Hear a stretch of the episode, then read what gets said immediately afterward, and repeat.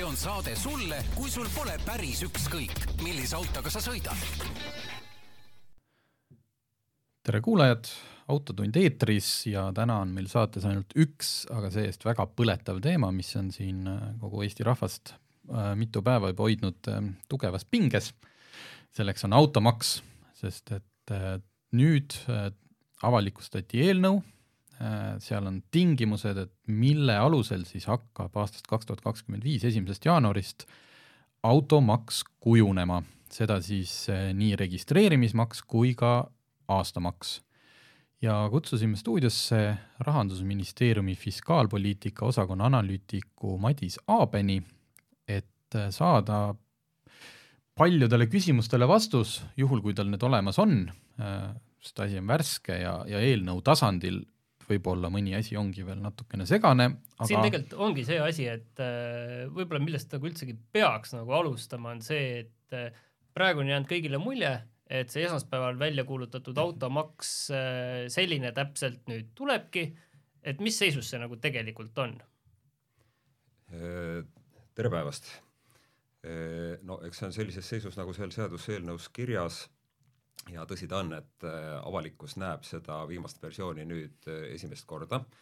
Ja kuna selle maksu arvutamine ja sellest nagu ülevaate saamine selles mõttes, et et kuidas erinevad äh, autotüübid, äh, eri vanusega autod, eri omanikule kuuluvad autod, kas füüsilisele või juriidilisele isikule, äh, kuidas nende maksukoormus kujuneb, see, selle pildi, tervikpildi ettesaamine võtab natukene aega ja noh, kolm nädalat on praegu selleks aega antud, et seda tagasisidet korjata, aga jah, nii ta on, et nüüd kõik siis loevad seda teksti ja, ja üritavad sellest, sellest aru saada ja mingisuguse arvamuse kujundada ja, ja ma arvan, et see natukene võtab aega, aga äh, arutelu läheb tuliseks. ja igal juhul lõpuks peab meil on ju Riigikogu ka enda templi peale panema.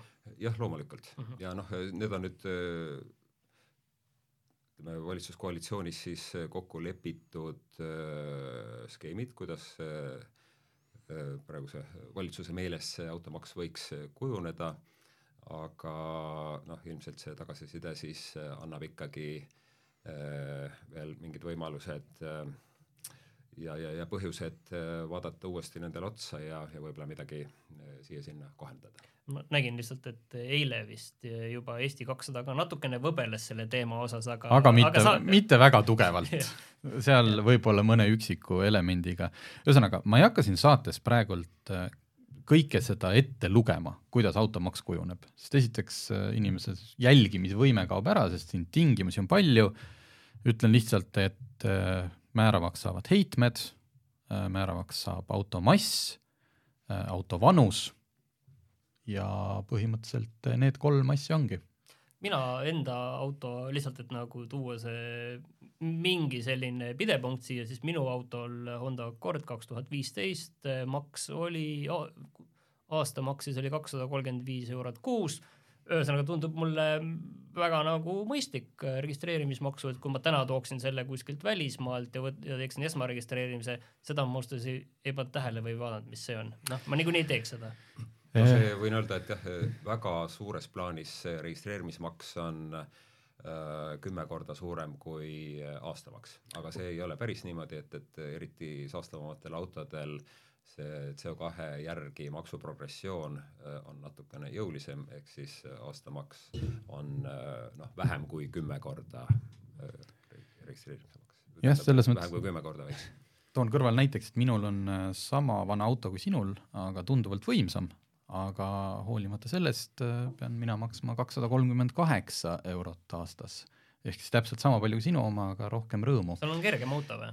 Äh, vist on, jaa. mul on aga kahe tuhande täismass. aga siin on ka see, et ma, mul on ka endal välja arvutatud äh, registreerimistasu ja see oleks äh, tõepoolest noh, ongi kolm tuhat nelisada eurot. aga ma kohe küsingi siia, et äh, kas te ise olete ka, et need kalkulaatorid ilmusid netti põhimõtteliselt loetud tundidega äh, Äh, mõnda proovinud, meie ise jagasime CodeLabi oma, äh, ma saan aru, et praeguseks on vist ka Delfi ja Postimees enda omad valmis saanud. et kas need põhimõtteliselt on õigesti koostatud? Äh, jah, Delfi ja, ja Postimehega me oleme ka suhelnud ja nad on Nad on küsinud meilt nõu, see CodeLab, see paistis päris kena olevat, mina nendega suhelnud ei ole, aga tundus olevat päris ilus. ja selle tegijat ma tean, ta ütles, et eile oli metsik liiklus oli peal. nii äh,, aga mõned äh, ma ei tea, siis äh, konkreetsed küsimused, mis minul tekkisid kohe, kui see avalikustati. Ja üks nendest on see, et äh, miks otsustati võtta aluseks auto täismass, mitte tühimass? jah, äh, no ausalt öeldes meie või isegi võib öelda, et minu ettepanek oli võtta tühimass ja, tegelikult see progressioon, ka see tühimassi komponent äh, äh, algses plaanis oli niimoodi, et ta hakkab pihta varem, praegu ta hakkab pihta hiljem, ta hakkab täismassina äh, ja, ja selles mõttes on ta üpris nagu progresseeruv, et kui auto on, kaalub alla kahe tonni, et siis seda tühimassi, täismassi komponenti ei ole, aga nagu ta kaalub juba öö, seal ütleme kaks tuhat viissada kilo, nagu minu kümme aastat vana mm -hmm. Volkswagen Charan, siis tühimassi, täismassi komponent on, on täiesti märkimisväärne. Tühimass jah, oleks võinud olla selle loogika järgi, et et, et enamus autosid, sõiduautosid, kui me tänaval vaatame, siis seal sõidab sees üks inimene, eks ole, et see tühimass nagu tema öö, koormust teedele iseloomustab paremini. Aga seal Transpordiameti poolt tuli selline tagasiside, et tühimass on selline näitaja, mida omanik võib põhimõtteliselt ise muuta ja siis sedakaudu oma maksukoormust nagu manipuleerida täismass on äh, konkreetsemalt kirjas ja, ja selle muutmise võimalust ei ole, nii et lihtsalt selliste manipulatsioonide vältimiseks siis äh, läksime täis, täismassile üle. teine, teine põhjus tegelikult veel, miks, miks ma ka pooldasin tühimassi, oli see, et et ja üldse, miks see massikomponent sisse võtta, oli see, et, et saaks sama maksuloogikaga hõlmata nii elektriautosid kui ka fossiilsel kütusel töötavaid autosid ja teadupärast elektriautod tänu oma äh, akudele on, on raskemad, samas nende CO2 komponent on noh, kui ta on täiselektriline, siis see ongi null. aga noh, see on jälle niisugune poliitilise valiku küsimus, et kui palju me üldse põhimõtteliselt tahame elektriautosid maksustada, arvestades seda, et, et meil on soov neid ikkagi nende nendele üleminekut stimuleerida. Äh, kus kohas see elektriautode massi äh, nullpunkt on? no kui ta fossiilsete kütustega autodel on üle kahe tonni, siis elektriautode puhul on ta nelisada kilo kõrgemal, ehk siis ka alates kahe tuhande neljasajast kilost kuni kolme tuhande viiesaja kiloni on siis äh, maksustatud kas äh, registreerimismaksu puhul nelja euroga ja aastamaksu puhul null koma nelja. Seal tuleb, äh, seal on pandud ka ülempiir ette, et selles mõttes, kui sul on ikkagi väga-väga raske auto, et siis see ei lähe nagu lõputult, lõputult piiri, vist neli tuhat eurot oli äkki tavaautodel. just et ainult see tuhat kilo siis, maksimaalselt tuhat kilo fossiilse äh, kütusega autodel on maksu all. mis selle täismassi koha pealt veel on üks teema, millest äh, alguses räägiti, oli just see, et äh, kes sõidavad äh, su suure täismassiga autodega, on siis okei okay,, et kui sul on see Land Cruiser, et see on tegelikult üks... enamik. ja, ja siis teine pool on see, et äh, kellel on äh, paljulapselised pered, kellel tegelikult ongi selline seitsmekohaline suurem auto mis tegelikult ei pruugi üldse olla nii väga võimas. et ühesõnaga, see tegelikult välistab selle koha, et erandid, et neid võetakse ühtemoodi sisuliselt maksu järgi no vot, see küsimus on meil ka ja üks paljulapseline pereema tuligi välja mõttega, et et algselt oli plaan tegelikult maksustada vähemalt aastamaksu siis teha kilovattide põhjal, mootorivõimsuse põhjal, kuna seal on see probleem, et noh, kuna aastamaksu peavad maksma kõik autod, eks ole, sõltumata vanusest ja, ja väga palju on selliseid autosid, kellel ei olegi seda CO2 näitu ja see on veel mm -hmm. omaette teema, et kuidas see siis neile leida, et selle alusel ka maksustada neid. et äh, oleks siis võtnud äh, kilovati istekohtade suhtes mm, -hmm. aga tõsi, nagu, nagu öeldud, siis äh, on needsamad Volkswagen Charonid ja niisugused suuremad äh, pereautod on seitsmekohalised, aga samas ka kui vaatasin eile auto kahekümne neljast, siis äh, Äh, ja reastasin äh, hinna kahanemise järgi siis seitsmekohalised autod, mis seal müügis olid, siis noh, kallimad hakkasid pihta kahesaja tuhande alt. Mm., nii et äh, jah, sedakaudu me nagu, seetõttu me siis ikkagi sellest loobusime. Ja, ja, ja noh, nagu mitme teisegi nagu niisuguse noh, puudutatud huvigrupi osas ikkagi automaks neid erinevaid probleeme nagu ei, ei jõua lahendada, et, et see automaks tasub hoida võimalikult selge ja lihtne ja siis, kui vaja, erinevate toetusmeetmetega gruppidega jah, tegeleda siis teiste poliitikatega. et ühesõnaga, see on ikkagi kuskil taustal, et mingid erisused võivad tulla, mida on nüüd siis meil aasta ja kaks kuud aega, aega tegeleda.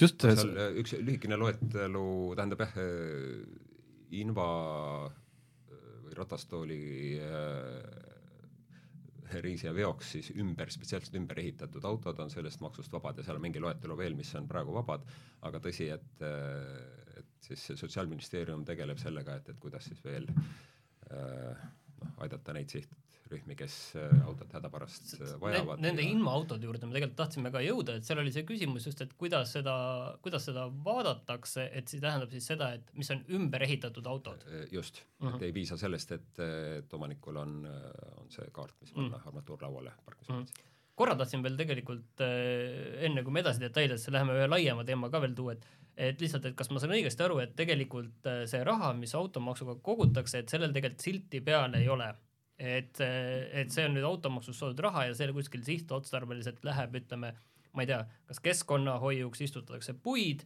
või siis maantee korrashoiuks või lihtsalt see on selline lihtsalt raha? jah, nii see on ja see üldiselt on heas kooskõlas niisuguse maksustamise heade põhimõtetega, et kui riigil on maksutulu juurde vaja, siis ta vaatab otsa oma maksusüsteemile ja, ja siis vaatab, et, et kust seda maksu täiendavalt võtta ja kui tal on mingid äh, plaanid kuhugi kulutada, siis äh, need on nagu, peavad olema sõltumatud sellest, äh, kust, kust see raha tuleb, et Riigikassas ikkagi noh, kõik riigi tulud lähevad ühte kohta ja siis kulupoliitikad dikteerivad selle, et kuhu see raha läheb. Mm. Räägime korra sellest maksustamise korrast veel, sest siin on tegelikult neid küsimusi veel, et maks hakkab kehtima alates esimesest jaanuarist kaks tuhat kakskümmend viis, aga seda tegelikult päriselt maksta tuleb kaks tuhat kakskümmend viis sügisel. jah, äh, see maksustamise hetk on esimene jaanuar, siis Maksuamet vaatab, et kellel mis autod arvel on, saadab, kas see oli viieteistkümnendaks veebruariks välja äh, maksuteate, noh umbes nii nagu maamaksu puhulgi, äh, kogu selle aasta peale, eelduslikult siis kogu aasta peale korraga ja esimeseks oktoobriks on siis vaja see maks ära tasuda. seda ei saa ajatada, aga noh, samas on ikkagi äh, üheksa kuud saab jupikaupa maksta? ei, ei, ei saa, ei, ei saa, saa.. Äh, üheksa kuud aega seda mm. raha koguda, kui vaja. aga mis saab siis, kui auto vahetab vahepeal omanikku, et see maksukohustus jääb ikkagi sellele inimesele, kes oli esimesel jaanuaril selle auto omanik? jah, tema saab selle maksukohustuse endale, tasumise tähtaja ja kui ta müüb selle auto siis poole aasta peal maha, noh, siis on see ostja ja müüja vahelise kokkuleppe küsimus, mis kajastub siis auto hinnas, et, et kes kui palju sellest selge, ühesõnaga võetakse, võetakse ette, et see esimene jaanuar, mis äh, sinu nimel autod ja. on ja see, mis ülejäänud aasta jooksul tegelikult äh, toimub, see ei oma mingit äh, tegelikku tähendust, kui seal mingid kokkulepped on ostja-müüja vahel, siis need on nendevahelised kokkulepped loeb ainult see, et kelle nimel on esimesel jaanuaril auto? Jah, praegu nende olemasolevate autodega on, on selline plaan, aga siis nende autodega, mis ostetakse keset aastat, on jällegi teine plaan, et, et kui sa ostad näiteks auto teisel jaanuaril, siis alates kolmandast jaanuarist hakkab kehtima sulle see äh, nii palju siis või, või nii palju, kui sul aasta lõpuni on neid päevi jäänud, ostuhetkest selle, selle peale siis kirjutatakse välja, välja see maksukohustuse teade ja äh, siis on veel mingisugune erinevus selles, et kas sa, kas sa ostad selle auto äh, enne äh, jaanipäeva nii-öelda, enne esimest juulit või, või pärast, et kui pärast, siis kui osta esimese poolaasta sees, siis see maksukohustus on ikkagi esimesel oktoobril ära tasuda aasta lõpuni. ja kui aasta lõpus ostetakse auto, siis see on järgmise aasta kas esimene märts või huvitav, kas siis hakatakse aasta, aasta lõpp saavad olema sellised ajad, kus autosid proovitakse väga palju maha müüa, et on nagu põhjus oma vana auto maha müüa, et kui mõtled, aga noh, samas uue auto vana auto, vana auto puhul on juba maksukohus tekkinud ja, ja see on nagu ära klaaritud, see on ja, et see järgmiseks aastaks, et seda järgmiseks aastaks ei, ei tekiks. aga siis sa mõtled, ostad võib-olla uue auto asemele, siis tekib muidugi uuega tekib see kohustus. ahaa, okei okay,, sellega me saime nüüd edasi, mis järgmine küsimus tekkis, oli see üks on aastamaks, aga teine on see registreerimismaks.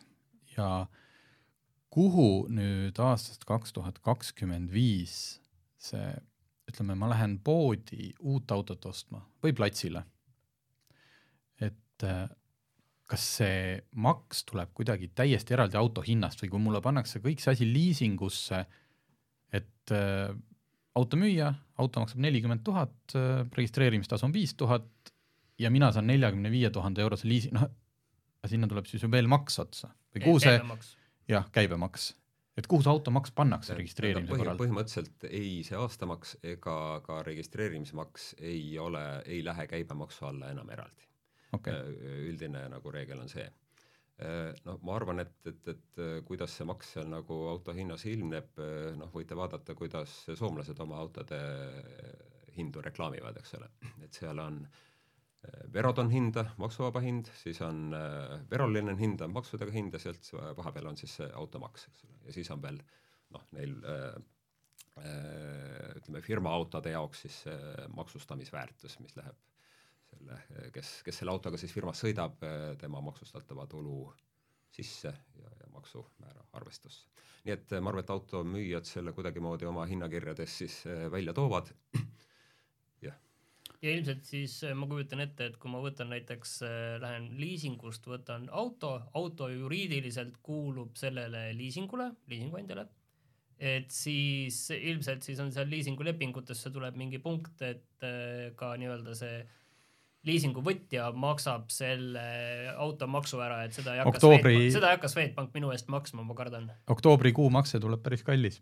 Hmm. või tegelikult ilmselt äh, siis just liisingu puhul on võimalik see ära jaotada oota, aasta peale. oot-oot, aga siin tekkiski küsimus võib-olla, mis mul nagu äh, jäi nüüd segaseks, et registreerimismaks tuleb samamoodi ära maksta oktoobris või registreerimise hetkel? registreerimismaks on, selle, see nüüd ristiti registreerimistasuks Äh, kui aastamaksu korjab ja administreerib äh, Maksuamet, siis registreerimistasuga tegeleb äh, Transpordiamet. et siis, kui liiklusregistrisse see äh, riiki toodud auto sealt arvele võetakse, siis sellega seoses tekib ka see maksukohustus. kas praegu on meil seal riigilõivud? kas need kaovad ära, lähevad sinna sisse või tulevad need koos? Jah, vot see, see võib-olla ei olegi veel päris niimoodi selge, et mis sellest riigilõivust saab. mõnes mõttes see toimub topeltmaksustamine nagu, tegelikult. just, et, et kas need ühendatakse või ma ei oska seda praegu öelda, mul on tunne, et see äh, ma nüüd ei ole jurist ja ei ole oma käega seda, seda seadust kirjutanud, aga seda vist see seadus praegu ei, seaduseelnõu ei käsitle.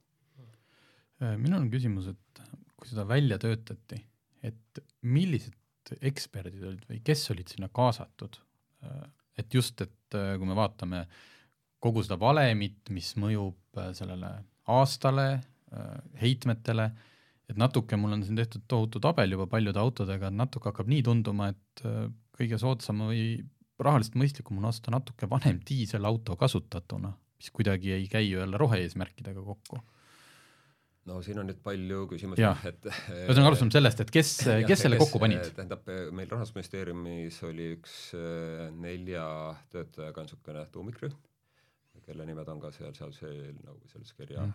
all, aga alates juba kevadest tegelikult me kohtusime korduvalt väga erinevate osapooltega, alates seal Kliimaministeeriumi haldusalast Transpordiamet ja Keskkonnauuringute Keskus ja ja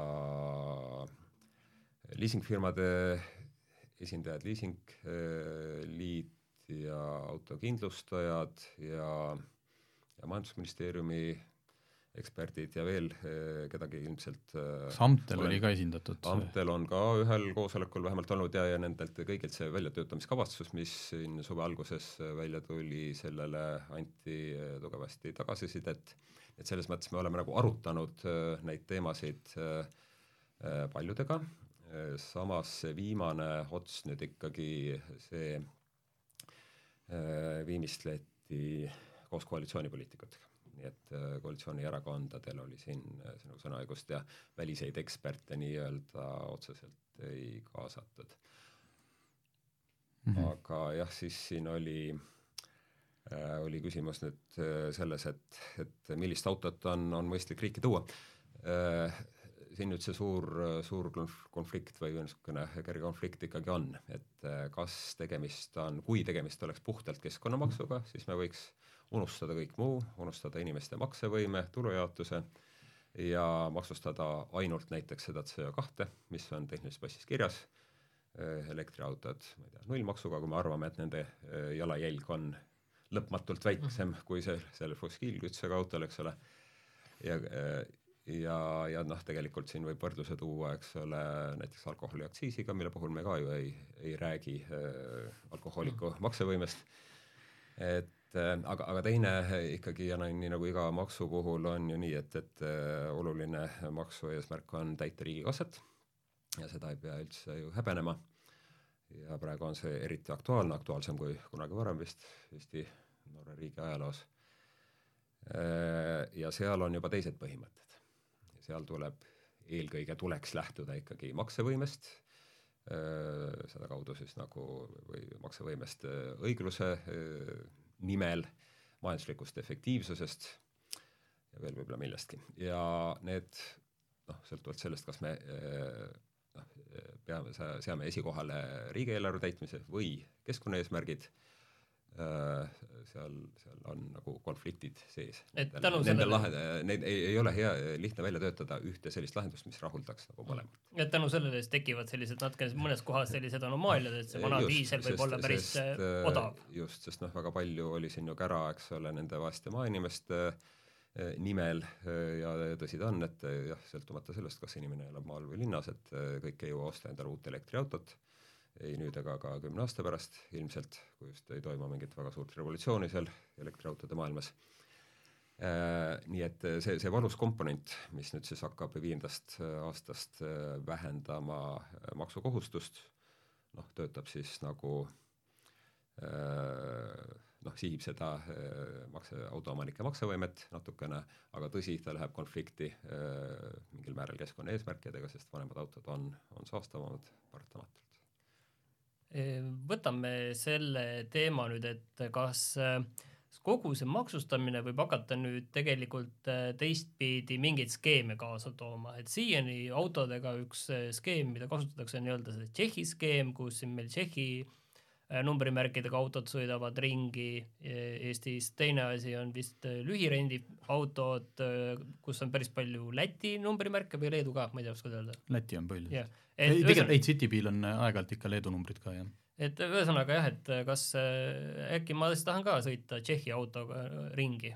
No Lätiga on lihtsam, sa pead ülevaatusel käima. jah, okei, aga, aga ühesõnaga, kuidas selle murega tegelete? jah, tõsi, ei piisa ainult sellest, et vastu võtta see mootorsõidukimaksuseadus, vaid ilmselt tuleb tegeleda ka teiste valdkondadega, võib-olla lihtsalt jõustada juba olemasolevaid seadusi sest juba praegu äh, ma nüüd täpselt ei oska tsiteerida, aga äh, näeb mingi regulatsioon ette, et viie päeva jooksul, äh, kui inimene selle mingi autoga Eesti territooriumil sõidab, siis tuleb see arvele võtta liiklusregistris.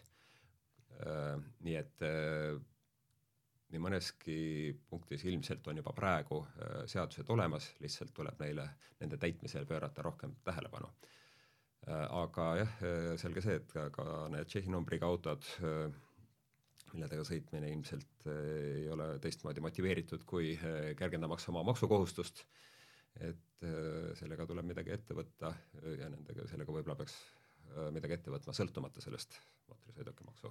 see, see on natukene, ma saan, mina saan sellest ma tahaks natukene sekkuda, et, et me ei jääks siit valet muljet, me tegime ise lugu, loo sellest Tšehhi autode ja seal minu teada ei ole tegelikult nii-öelda, kuidas ma ütlen, Eesti riigil ei jää sealt suur, selles mõttes saamata, et see ei ole sellepärast, et mitte Eesti riigil maksta, vaid Tšehhist saab lihtsalt, pidi neid mersusid saama soodsamalt ja kiiremini kätte, see, kui see äri käima läks. aga Eesti registrisse registreerimismaksuga need autod ju ei jõua või jõuavad millalgi palju hiljem? seal on point selles, et äh, selleks, et sa sealt neid osta saaks, äh, nad peavad olema, seal vist tehase nõue vähemalt kuus kuud Tšehhi registris ja vaikselt, kui nad on see kuus kuud täis saanud, tegelikult on tegemist täisteenusrendiga ja need pärast võetakse Eesti numbrisse.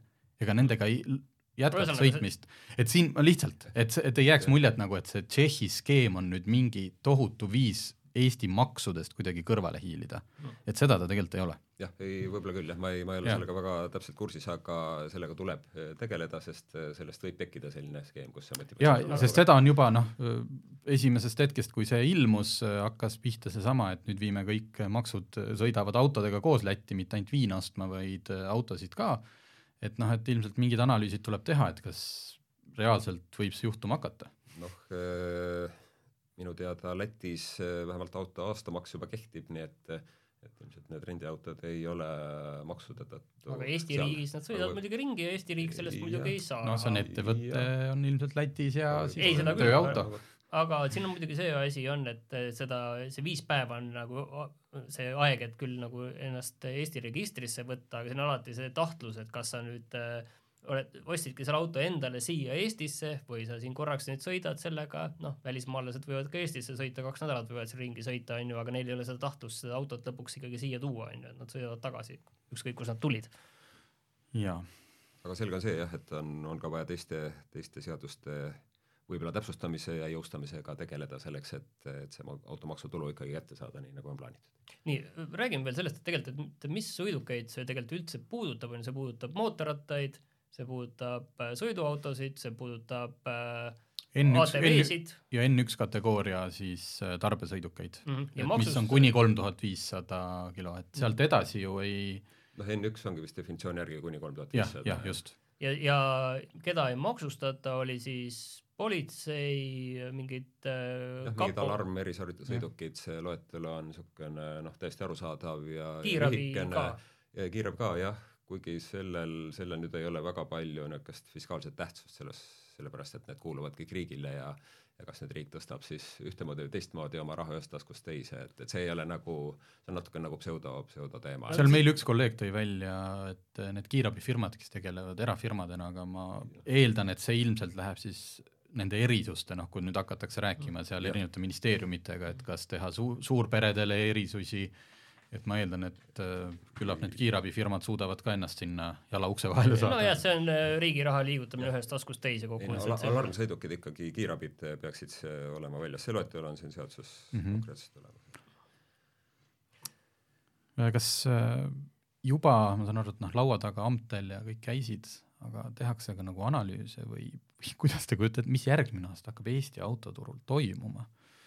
kas hakatakse tooma tohutult sisse autosid, et kas keegi nagu, kas äh, kõik uued autod ostetakse ära? Ja mis teevad need vaesed inimesed, kes avastasid täiesti heatahtlikult on, noh, nad ei ole kunagi ostnud omale mingit kuueliitrist ameeriklast, vaid sõidavad tavalise Hondaga aga avastavad, nüüd on maks nelisada viiskümmend eurot aastas, aga kes neilt selle nüüd ära ostab?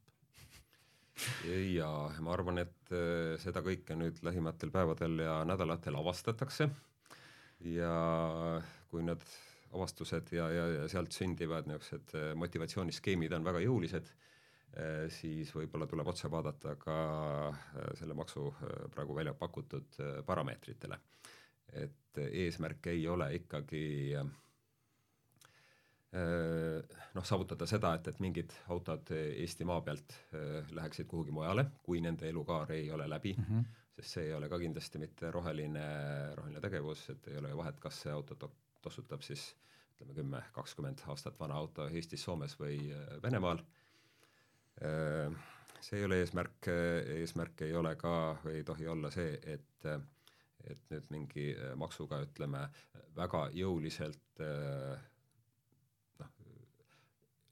nihutatakse ümber äh, inimestevahelist nagu varalist, varalist seisu, et mingid autod muutuvad äh, suhteliselt kallimaks, teised suhteliselt odavamaks ja ja mingid autod et, kindlasti muutuvad odavamaks. see natuke ongi see, see on see mingi, see on see, need, see aastakäik niisugune, mis jäi kahe tuhande kümnenda, kahe tuhande kahekümnenda vahel, kus olid need noh, kõik need näiteks kaheliitrised Toyota RAV4-d, mis ei ole hübriidid, kõik need Toyota või Honda CRV-d, noh, mis on täiesti mõistlikud, inimesed on nad ostnud toona nagu soodsalt, heas usus, ma ei ole mingi autohull, eks ju, aga kuna nende see CO2 ja massi mõõde on päris suur, siis on nad nüüd nagu selles mõttes kahvlis, et äh, ei taha ju nii palju maksta, sest ma ostsin soodsa auto. see on tõsi ja, ja siin on ka nüüd kompromissi koht, et, et kui palju, nagu ma ütlesin enne, et, et see aastamaks on umbes natukene vähem kui kümnendik registreerimismaksust siis registreerimismaksuga on ju niimoodi, et et selle noh, põhimõtteliselt võib teha millise iganes, et ja inimene siis sellest maksust lähtuvalt teeb oma tulevikuvaliku auto suhtes. Kui me räägime noh, juba ostetud autodest, siis ikkagi noh, maksu nüüd ei, ei ole õige loomulikult karistuseks nimetada, aga nii-öelda väga kõrge maksuga Äh, maksustada autosid, mis on ostetud viis aastat tagasi, kui automaksust äh, noh, vähemalt ei olnud juttu äh, või ei olnud reaalne, reaalset perspektiivi, et see keski, kehtima hakkaks, et seal, seal tekib nüüd probleem, jah nii et seal on et, teoreetiline, ma ei, et ma saan aru, et ei saa seda kindlasti noh, öelda, aga teoreetiline võimalus, et veel timmitakse seda valemit niimoodi, kui avastatakse, et tegelikult saab pihta mingi äh, suur grupp inimesi, kes põhimõtteliselt noh, ei ole otseselt süüdi mitte milleski. Jah, ma arvan, et seda niisugust nagu öö, laiade autoomanike masside tagasisidet nüüd ongi vaja saada ja seda tunnetust, et mis siis nagu on poliitiliselt realistlik ja, ja mis ei ole. et võib-olla jah, seda suurt pilti ei ole siiamaani, kui suhteliselt suure kiirega, kiiruga on seda tehtud ei ole vaadatud ja, ja, ja erinevate nurkade alt, nagu iga üksik autoomanik seda vaatab, ei ole, ei osatud vaadata. kui tegelikult, et kui nagu, et mis nagu minu meelest nagu kõlama on jäänud kõige suurem kriitika selle suhtes, selle eelnõu suhtes praegu on ikkagi see äh, registreerimist, kõrge registreerimistasu, et üldiselt ütleme, et mina vaatan enda autot ka, et noh, kakssada eurot tundub mõistlik ja okei okay,, natuke peale aga see registreerimistasud, et kui sa siin vaatasidki, et palju selle Subaru Outbacki uue registreerimistasu no, on? viis tuhat viissada eurot. palju see uuena maksab, selline normaalne? Äh, kolmkümmend viis kuni nelikümmend. jaa, sa paned selle viis tuhat juurde ja tegelikult, kui sa nüüd mõtleksid, kui sul on tegelikult noh, mis on nagu ühes mõttes selle eelnõu eesmärk on see, et et sel hetkel, kui ma nüüd valin seda, kas võtta see Outback, noh, selline mitte liiga suur, aga parajalt suur ja, ja võtta selle asemel elektriauto, siis see hinnakäärid sellise elektriauto pluss Outback pluss koos selle aasta registreerimismaksuga, see Outback jääb ikkagi väga palju odavamaks.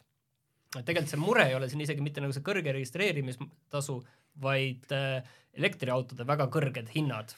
jah, jah, see, see on paratamatu, et äh, eriti niisugused pikema sõiduulatusega elektriautod on ikkagi äh, ikkagi väga kättesaadav, saamatud. no selles mõttes võib-olla see Subaru ei olnud hea näide, Subaru on, mulle õudselt Subaru meeldib, aga nad on natuke oma selle mootoritehnoloogiaga jäänud laisaks, et äh, neil on seal küll see mild hübriid vahel, aga äh, lihtsalt, et äh, kuulajale oleme siin arvutanud, et noh, see Eesti kõige populaarsem auto, Toyota RAV4 hübriidversioonina, siis äh, registreerimismaks on äh, umbes kaks tuhat, kaks tuhat kakssada, olenevalt seal versioonist äh, ja näiteks Škoda Octavia, võtsin see ühe koma viiene mild hübriid äh, universaal, mina sain kalkulaatorist tuhat kuussada eurot.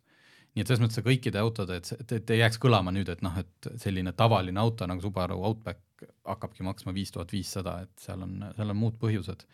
aga kõrge on ta noh, ei teagi.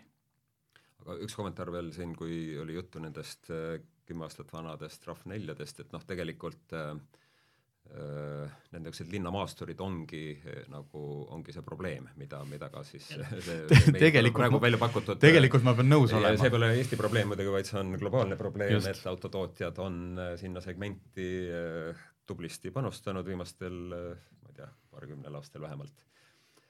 Mis ei ole nagu, mis on olnud keskkonna, keskkonnavaenulik, mis ei ole noh, linnasõiduks ei ole sellist suurt rasket kõrget autot tegelikult ju vaja enamasti, eks ole.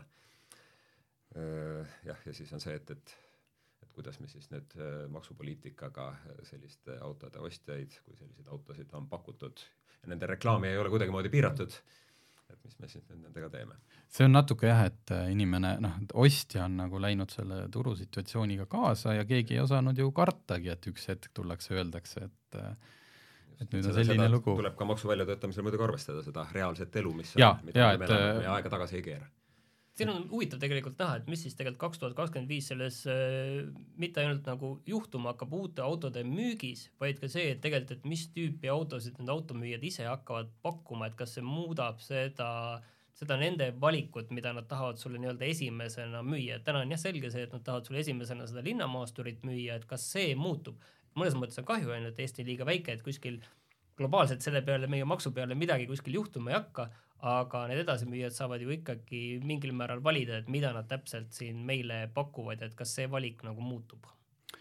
võib-olla ma tegin siin natuke paanikat, ma praegult siin kiirelt äh, lõin sisse kaks tuhat kaksteist aasta Toyota RAV4 kaheliitrine, mitte hübriid. ei olnudki, sada nelikümmend viis oli ainult aastamaks.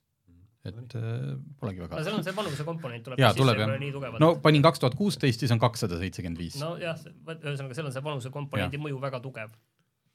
Ja noh, kümme aastat RAV4, see veel sõidab täitsa hästi ju. muidugi äh,. nii ka neid, nendel autodel tuleb lasti lõpuni sõita.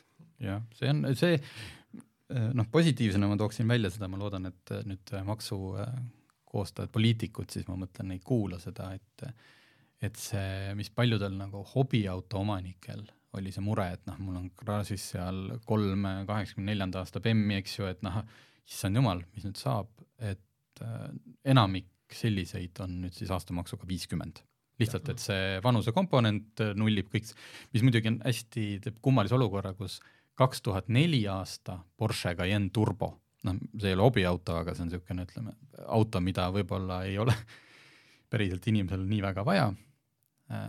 aastamaks oli vist viiskümmend eurot ja kaks tuhat viis aasta Porsche Cayenne Turbo oli juba seal, räägime registreerimistasust, oli kolmsada oleks olnud kaks tuhat neli aasta Cayenne ja kolm tuhat kolmsada oleks kaks tuhat viis aasta.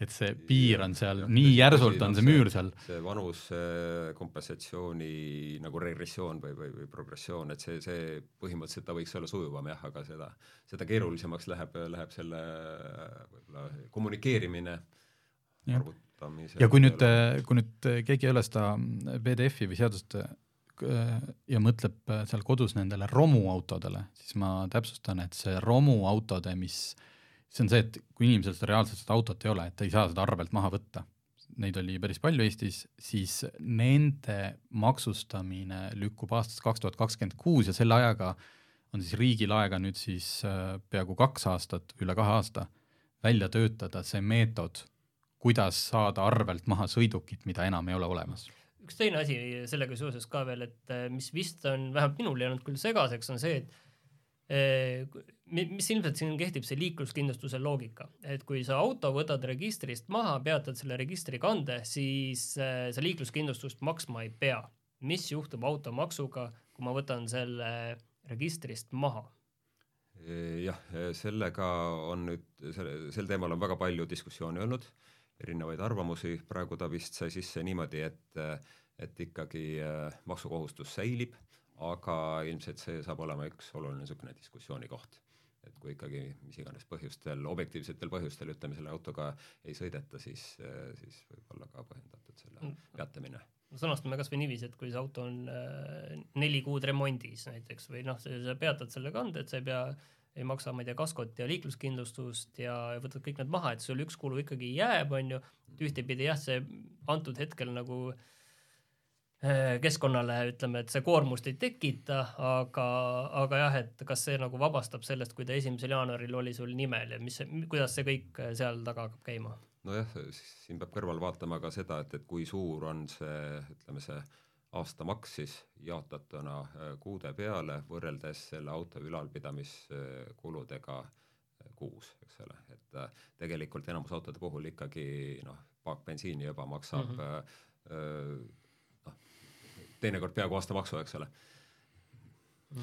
jah, nendest populaarsetest viiskümmend autot, mis mul nimekirjas on, siis noh, ükski lõpuks ei ületa, noh, kõige, kõige suurem ongi sinna üheksasada, siis on juba järgmine on seitsesada ja selline esimene top kakskümmend viis on tegelikult kõik alla, alla kahesaja euro aastamaks. kui seda Transpordiameti registrit vaadata ja see on avaandmete kaudu nagu kenasti olemas kõigile, kõik need seitsesada tuhat MN kategooria masinat, et siis sealt võib leida muidugi selliseid eksemplare, kus ja praegu ei ole ei aastamaksul ega registreerimistasul ei ole ülempiiri. noh, see on ka üks, sellest on ka on olnud nagu nii ja naa neid seisukohti, et kas peaks mingi mõistlik ülempiir olema.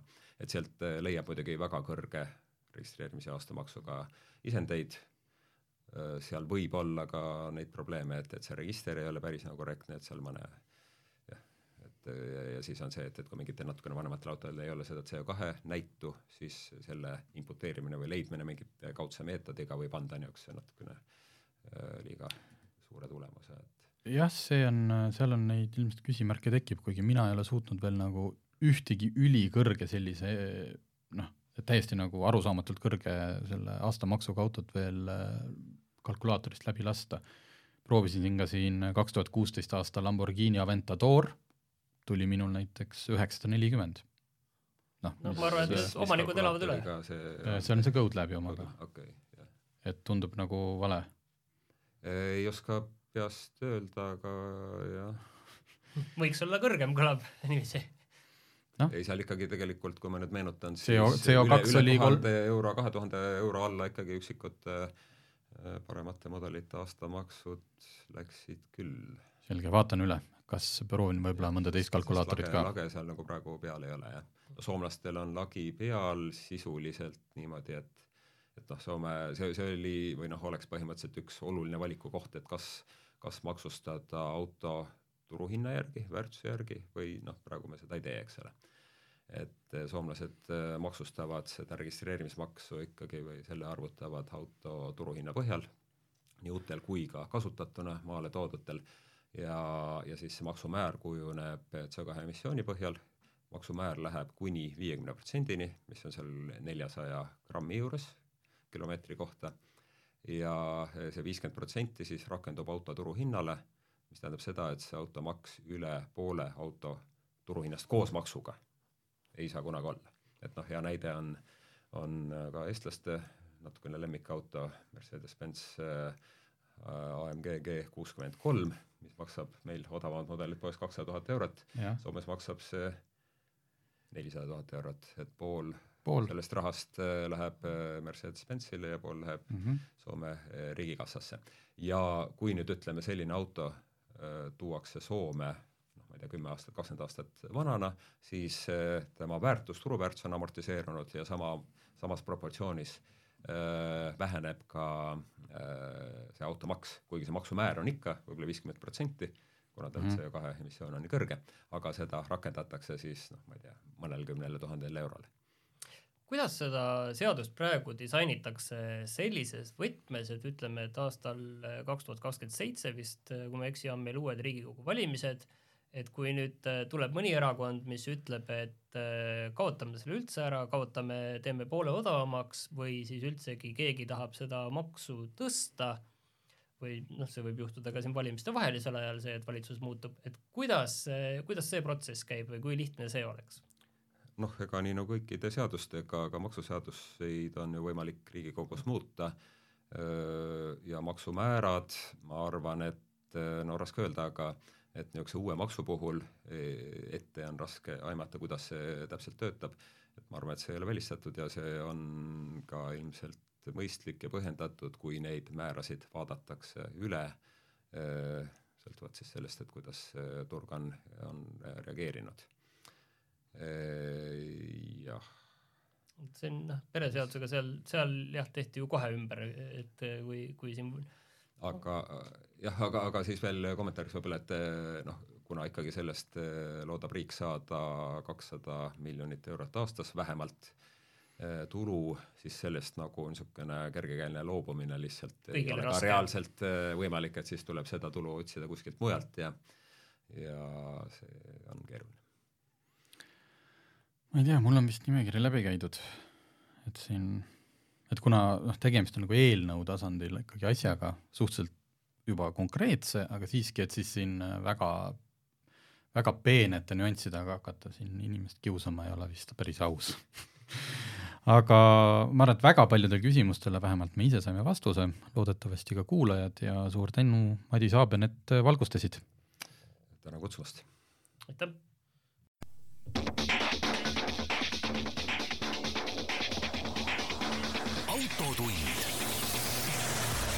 See on saade sulle, kui sul pole päris ükskõik, millise autoga sa sõidad